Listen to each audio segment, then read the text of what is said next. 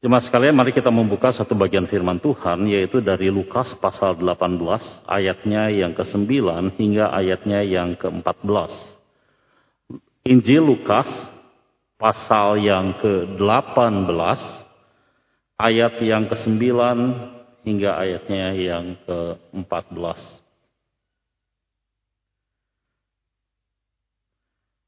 Lukas 18 ayat 9 hingga 14 Alkitab kita memberi judul perumpamaan tentang orang Farisi dengan pemungut cukai. Saya akan bacakan bagi kita semua Lukas 18 ayatnya yang ke-9. Dan kepada beberapa orang yang menganggap dirinya benar atau terjemahan lain mengatakan demikian. Dan kepada beberapa orang yang sangat yakin atau sangat percaya diri bahwa dirinya adalah benar. Dan memandang rendah semua orang lain, Yesus mengatakan perumpamaan ini. Ada dua orang pergi ke bait Allah untuk berdoa. Yang seorang adalah orang Farisi dan yang lain pemungut cukai. Orang Farisi itu berdiri dan berdoa dalam hatinya begini. Ya Allah, Aku mengucap syukur kepadamu karena aku tidak sama seperti semua orang lain. Bukan perampok, bukan orang lalim, bukan penjinah, dan bukan seperti pemungut cukai ini. Aku berpuasa dua kali seminggu. Aku memberikan sepersepuluh dari segala penghasilanku. Tetapi pemungut cukai itu berdiri jauh-jauh. Bahkan ia tidak berani menengadah ke langit. Melainkan ia memukul diri dan berkata, Ya Allah, kasihanilah aku orang berdosa ini. Aku berkata kepadamu, orang ini atau Pemungut cukai ini pulang ke rumahnya sebagai orang yang dibenarkan Allah. Dan orang lain tidak. Orang lain itu tidak. Sebab barang siapa meninggikan diri, ia akan direndahkan.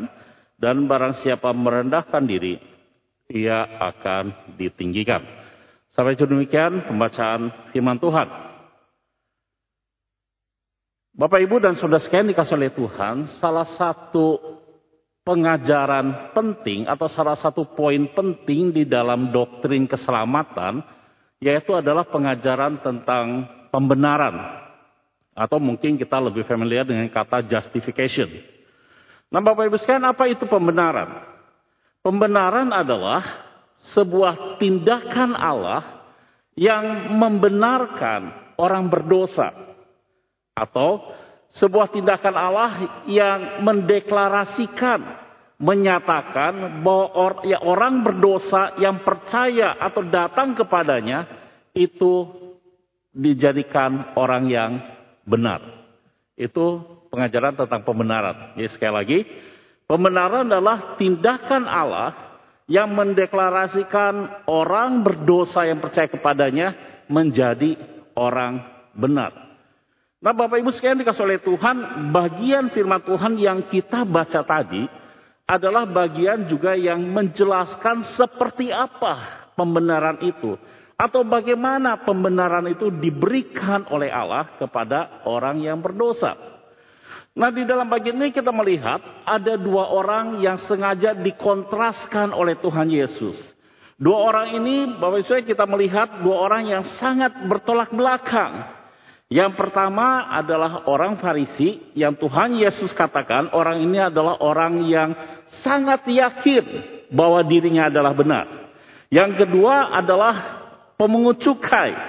Orang yang digambarkan begitu berdosanya dia di hadapan Allah dan juga di hadapan manusia. Nah Bapak Ibu mari kita melihat kontras ini. Yang pertama, mari sekarang kita melihat terlebih dahulu si orang Farisi ini.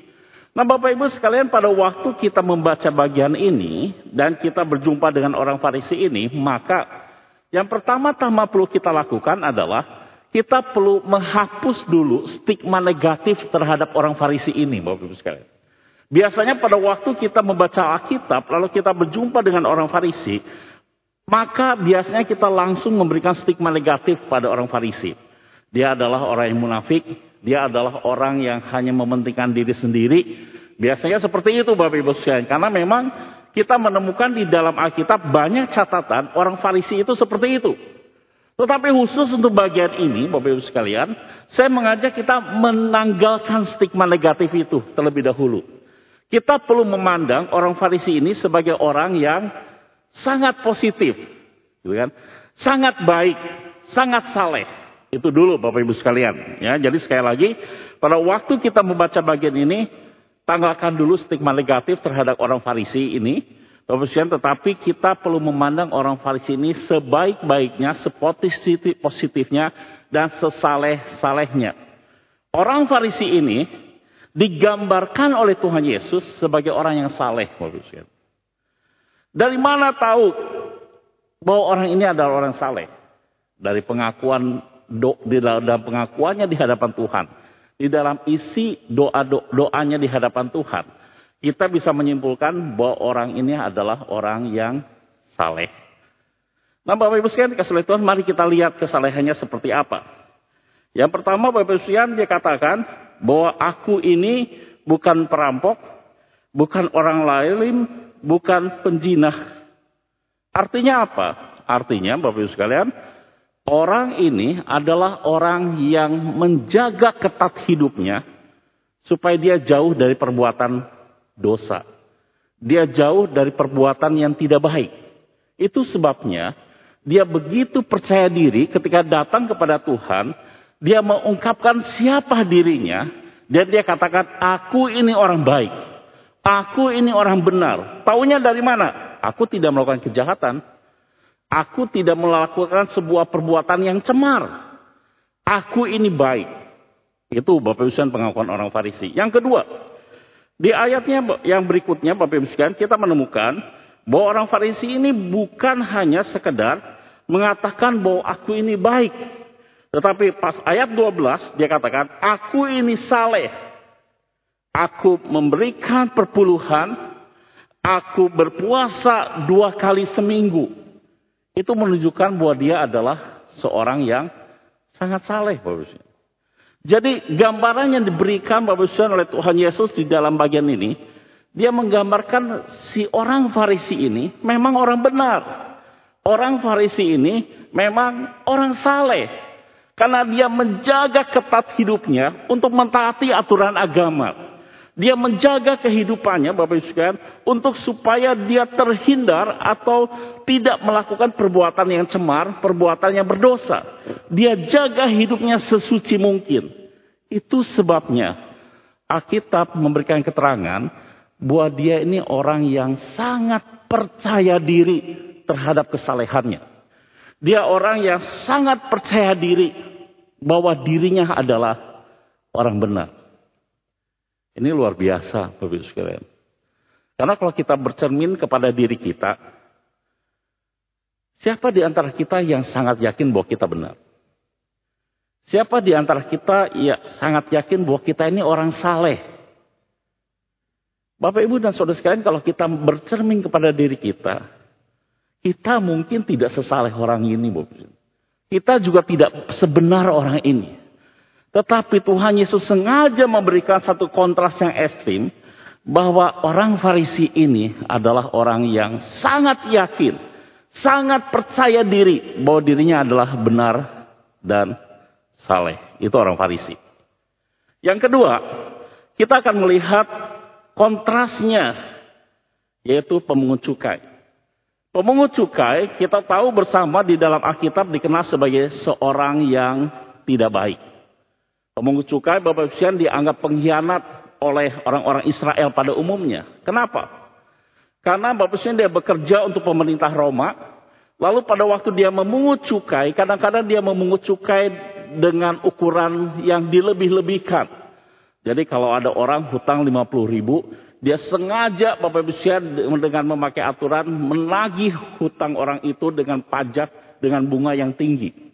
Sehingga itu untuk keuntungan dirinya. Dia laporkan kepada pemerintah Roma sekian, sisanya dia ambil. Itu sudah dikenal secara umum. Jadi bagi orang Israel, Bapak Ibu sekalian, pemungut cukai ini adalah seorang yang sangat berdosa.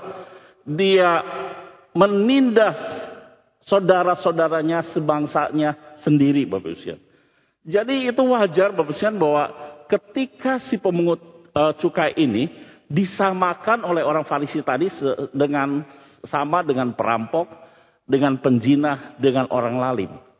Karena memang mereka beranggapan bahwa orang Farisi ini orang yang sangat berdosa di hadapan Tuhan dan tidak layak untuk masuk dalam kerajaan sorga. Dan kelihatannya orang Farisi ini tahu. Dia sadar dirinya sendiri bahwa dia adalah orang yang berdosa. Itu sebabnya pada waktu dia datang di hadapan Allah, dia datang bukan dengan kebenarannya.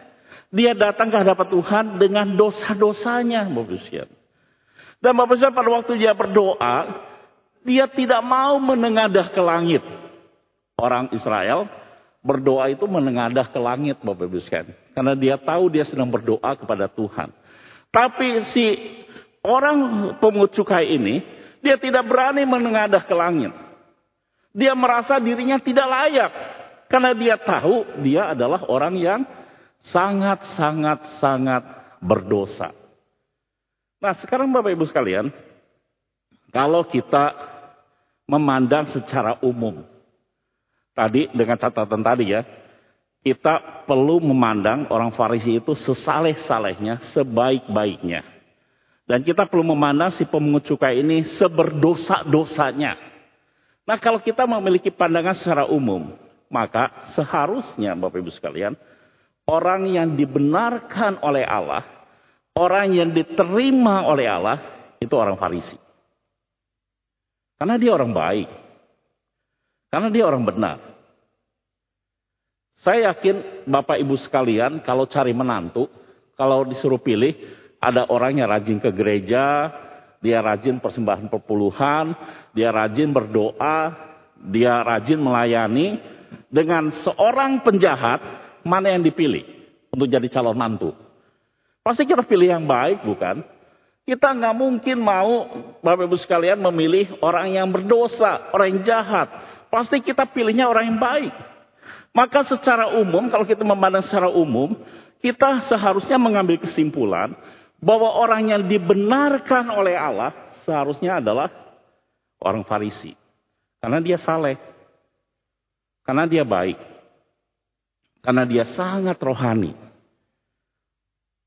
Orang pemungut cukai, orang berdosa, seharusnya tidak dibenarkan oleh Allah. Tetapi yang menarik, ketika Tuhan Yesus mengambil kesimpulan dari perumpamaan ini, Tuhan Yesus mengatakan demikian. Tapi aku berkata kepadamu, orang pemungut cukai ini, orang ini, yaitu si pemungut cukai, pulang ke rumahnya sebagai orang yang dibenarkan Allah. Sedangkan orang lain itu, yaitu orang Farisi, tidak. Kesimpulan yang mengejutkan untuk orang-orang zaman itu, Bapak siap.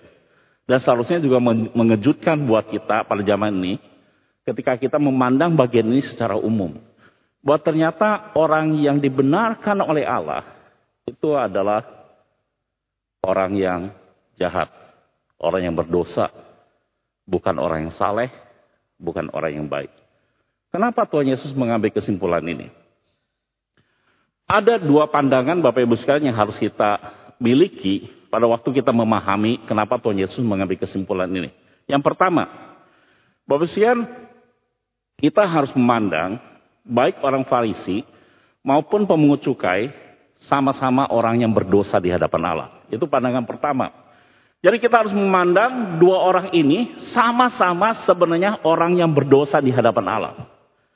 Bapak di dalam doktrin keselamatan, selalu kita harus memulai Bapak dengan mengatakan bahwa kita semua ini orang yang berdosa. Kita ini pada waktu kita berdosa, kita sudah rusak secara total. Kita ini adalah orang yang tidak bisa mengupayakan keselamatan diri kita sendiri. Kita ini orang berdosa. Jadi Bapak Ibu sekalian, ketika Tuhan Yesus memandang dua orang ini, baik orang yang Farisi yang saleh, yang baik, maupun orang uh, pemungut cukai yang berdosa ini, dua-duanya sama di hadapan Allah. Mereka sudah berdosa, sudah rusak secara total, dan sudah kehilangan kemuliaan Allah. Itu yang pertama Ibu pandangannya. Pandangan yang kedua yang perlu kita miliki untuk memahami bagian ini, kita harus memandang bahwa dua orang ini adalah dua orang yang sama-sama butuh pengampunan. Karena mereka sudah berdosa, mereka sudah rusak secara total di hadapan Allah. Mereka tidak bisa mengupayakan apa pun untuk menyelamatkan dirinya. Maka mereka berdua sama-sama butuh pengampunan dari Allah. Baik orang Farisi yang baik, yang saleh, dia butuh pengampunan dari Allah. Karena sudah rusak secara total di hadapan Allah. Baik si pemungut cukai, apalagi si pemungut cukai, dia butuh pengampunan dari Allah. Nah, maksudnya pada waktu kita memandang dua orang ini sebagai sama-sama orang yang berdosa, sebagai sama-sama orang yang butuh pengampunan daripada Allah, maka kita baru mengerti dan memahami kenapa si pemungut cukai itu dibenarkan oleh Allah dan kenapa seorang Farisi itu tidak. Dari sikap tindakannya Bapak Ibu ketika datang ke hadapan Allah sangat berbeda. Si pemungut cukai ketika datang kepada Allah, dia sadari kebutuhannya akan pengampunan. Dia datang ke hadapan Allah dengan dosanya. Dia sadar bahwa dia itu berdosa. Dia sadar bahwa dirinya tidak layak di hadapan Allah. Itu sebabnya dia tidak berani menengadah ke langit. Dia sadar bahwa di hadapan Allah dia itu seorang yang jijik, orang yang jahat. Tapi dengan kejahatannya itu dia datang ke hadapan Allah dengan sebuah kehausan bahwa dia butuh pengampunan daripada Tuhan. Itu sebenarnya pada waktu dia berdoa, yang dia doakan cuma satu Tuhan, kasihanilah saya. Ampunilah saya. Dia membutuhkan belas kasihan Tuhan. Dia butuh pengampunan daripada Tuhan. Sedangkan si orang Farisi datang dengan kebenaran dirinya sendiri. Dia yakin bahwa dirinya benar. Dia yakin bahwa dirinya itu pasti diterima oleh Allah. Artinya dengan kebenaran dan keyakinan yang sedemikian, dia tidak merasa bahwa dia butuh Tuhan. Dia tidak merasa bahwa dia butuh pengampunan daripada Tuhan. Karena dia sudah benar. Mungkin Bapak Ibu dan Saudara sekalian ingat satu perkataan Tuhan Yesus atau satu lagu sekolah minggu. Hanya orang yang sakit perlu dokter. Orang yang sehat tidak perlu. Bapak Ibu ketika kita merasa diri kita sakit, baru kita butuh dokter. Tapi ketika kita merasa diri sehat, walaupun sakit, tapi kita ngerasa ah, ini sakit yang kecil, gitu kan? Kita ah masih sehat, ah masih kuat, maka kita tidak pergi ke dokter bukan? Nah Bapak Ibu sekalian sama dengan kedua orang ini. Kalau kita kategorikan dua orang ini Bapak Ibu sekalian, si orang Farisi adalah orang sakit yang tidak merasa sakit. Orang sakit yang yakin bahwa dirinya sehat. Sedangkan si pemungut cukai ini, dia menyadari dirinya sakit dan dia butuh dokter. Sehingga pada waktu mereka sama-sama datang Bapak Sekalian di hadapan Tuhan, dokter yang agung itu, pastilah orang yang sakit ini, si pemungut ini, dialah yang disembuhkan. Karena dia datang ke dokter, dia butuh dokter, dia butuh disembuhkan. Sedangkan si orang Farisi ini, dia tidak merasa butuh dokter. Dia merasa diri sehat. Dia tidak butuh disembuhkan. Itulah yang menyebabkan kenapa Akhirnya si pemungut cukai ini dibenarkan oleh Allah, dinyatakan benar, karena dia mendapatkan pengampunan dosa, lalu dia dibebaskan dari hukuman dosa, lalu Tuhan nyatakan sebagai orang yang benar, sebagai orang yang sehat secara rohani di hadapan Tuhan. Sedangkan si orang Farisi ini, keyakinan dirinya menghalangi dia untuk sembuh. Keyakinan dirinya menghalangi dia untuk mendapatkan pengampunan daripada Tuhan. Sehingga dia tidak dibenarkan oleh Allah. Nah Bapak Ibu mari kita kembali ke tema kita tentang pengajaran tentang pembenaran. Dari sini kita belajar Bapak Ibu bahwa pembenaran atau penyataan benar yang diberikan Tuhan kepada orang-orang berdosa ternyata ini. Tuhan menyatakan orang itu benar bukan dari tindakannya. Bukan dari perilakunya. Bukan dari kesalehannya, bukan dari kebaikannya. Tuhan memberikan pembenaran kepada orang berdosa semata-mata karena anugerah daripada Tuhan. Mereka berdua adalah orang-orang yang tidak bisa sebenarnya membenarkan diri sendiri. Mereka sudah rusak secara total. Mereka hanya bisa dibenarkan kalau Tuhan memberikan anugerah pengampunan kepadanya. Lalu Tuhan membebaskan mereka dari penghukuman dosa. Hanya itu. Jadi proses pembenaran atau pengajaran tentang pembenaran ini adalah pengajaran tentang anugerah pengampunan Tuhan yang diberikan kepada orang-orang berdosa. Ketika ada orang berdosa yang mau percaya kepada Tuhan, Orang-orang seperti itulah yang akan dibenarkan oleh Allah. Bapak Ibu dan Saudara sekalian dikasih oleh Tuhan, itulah pengajaran tentang pembenaran atau justification. Bahwa pembenaran akan diberikan kepada orang-orang yang orang-orang berdosa yang mau datang kepada Tuhan untuk menerima anugerah pengampunan dan pembebasan dari hukuman dosa. Nah sekarang apa yang kita bisa pelajari dari bagian ini Bapak Ibu sekalian? Bagian ini adalah bagian yang juga sebenarnya digumulkan oleh Martin Luther. Hari ini kita bersama-sama memperingati Hari Reformasi. Bahwasanya Martin Luther pernah mengalami pergumulan tentang keselamatan Bapak Ibu sekalian. Lalu dia mengupayakan dirinya supaya dia mendapatkan kedamaian bersama dengan Allah. Apa yang dia lakukan? Berpuasa. Dia pernah meniti tangga Bapak Ibu Sian, tangga gereja atau tangga biara Bapak Sian dengan lututnya dan dengan tangannya. Semata-mata hanya untuk menunjukkan bahwa dia butuh Tuhan. Dia butuh kedamaian. Dia mengupayakan segala cara Bapak Sian. Walaupun dia harus menderita, dia rela. Demi apa? demi mendapatkan kedamaian di dalam Tuhan. Tapi dalam proses dia mengupayakan itu, Bapak sekalian, dia tidak mendapat kedamaian. Sampai suatu kali, Bapak sekalian, ketika dia membaca Alkitab, dia menemukan kebenaran ini. Bahwa ternyata keselamatan itu hanya semata-mata dari anugerah Tuhan. Keselamatan diperoleh karena Tuhan memberikan anugerah pengampunan kepada dirinya. Dan itulah yang mencerahkan hatinya. Dan itulah yang membuat hatinya damai Bapak Ibu sekalian. Dia menyadari betul bahwa segala upaya yang dia lakukan untuk mencapai keselamatan itu sia-sia. Dia menemukan bahwa keselamatan hanya diperoleh kalau dia mendapatkan anugerah pengampunan daripada Tuhan. Dari situ Bapak Ibu dia mengambil kesimpulan bahwa kita ini adalah orang-orang yang membutuhkan Tuhan untuk mendapatkan keselamatan daripadanya. Nah, itu sebabnya Bapak Ibu dari bagian ini, mari kita belajar satu hal. Satu hal Bapak Ibu yang perlu kita bawa pulang hari ini. Yaitu apa? Yaitu bahwa semua kita butuh Tuhan. Semua kita ini Bapak Ibu butuh Tuhan. Baik pada kita menganggap diri kita sebagai orang yang berdosa, baik untuk kita yang saat ini sedang bergumul dengan dosa-dosa kita, Bapak Ibu Untuk kita yang saat ini merasa bahwa diri kita itu terikat oleh satu dosa, lalu kita tidak bisa melepaskan dosa itu, hati kita tidak damai, hati kita gelisah karena kita selalu menganggap saya ini orang berdosa.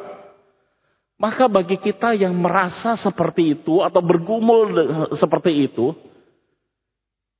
firman Tuhan hari ini mengatakan kita butuh Tuhan. Kita butuh pengampunan daripada Tuhan.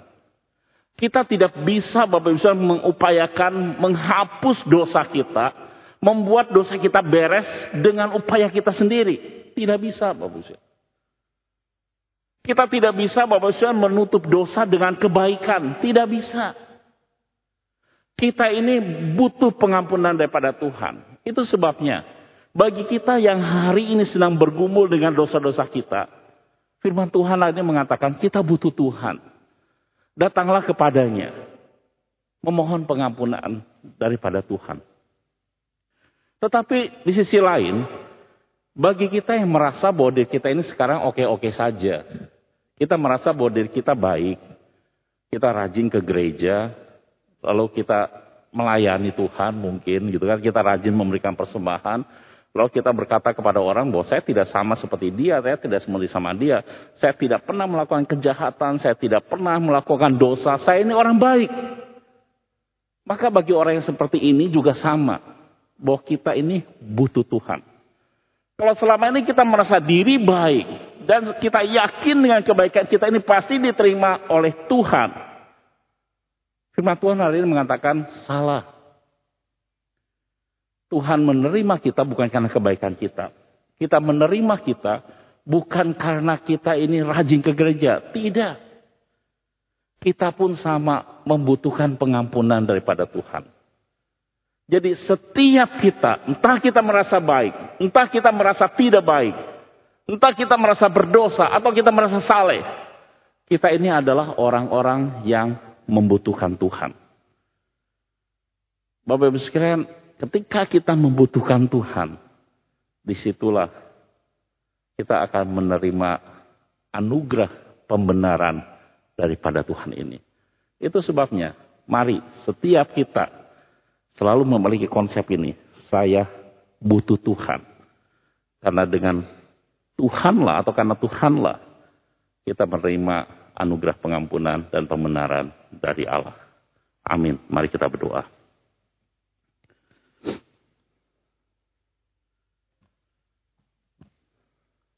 Tuhan,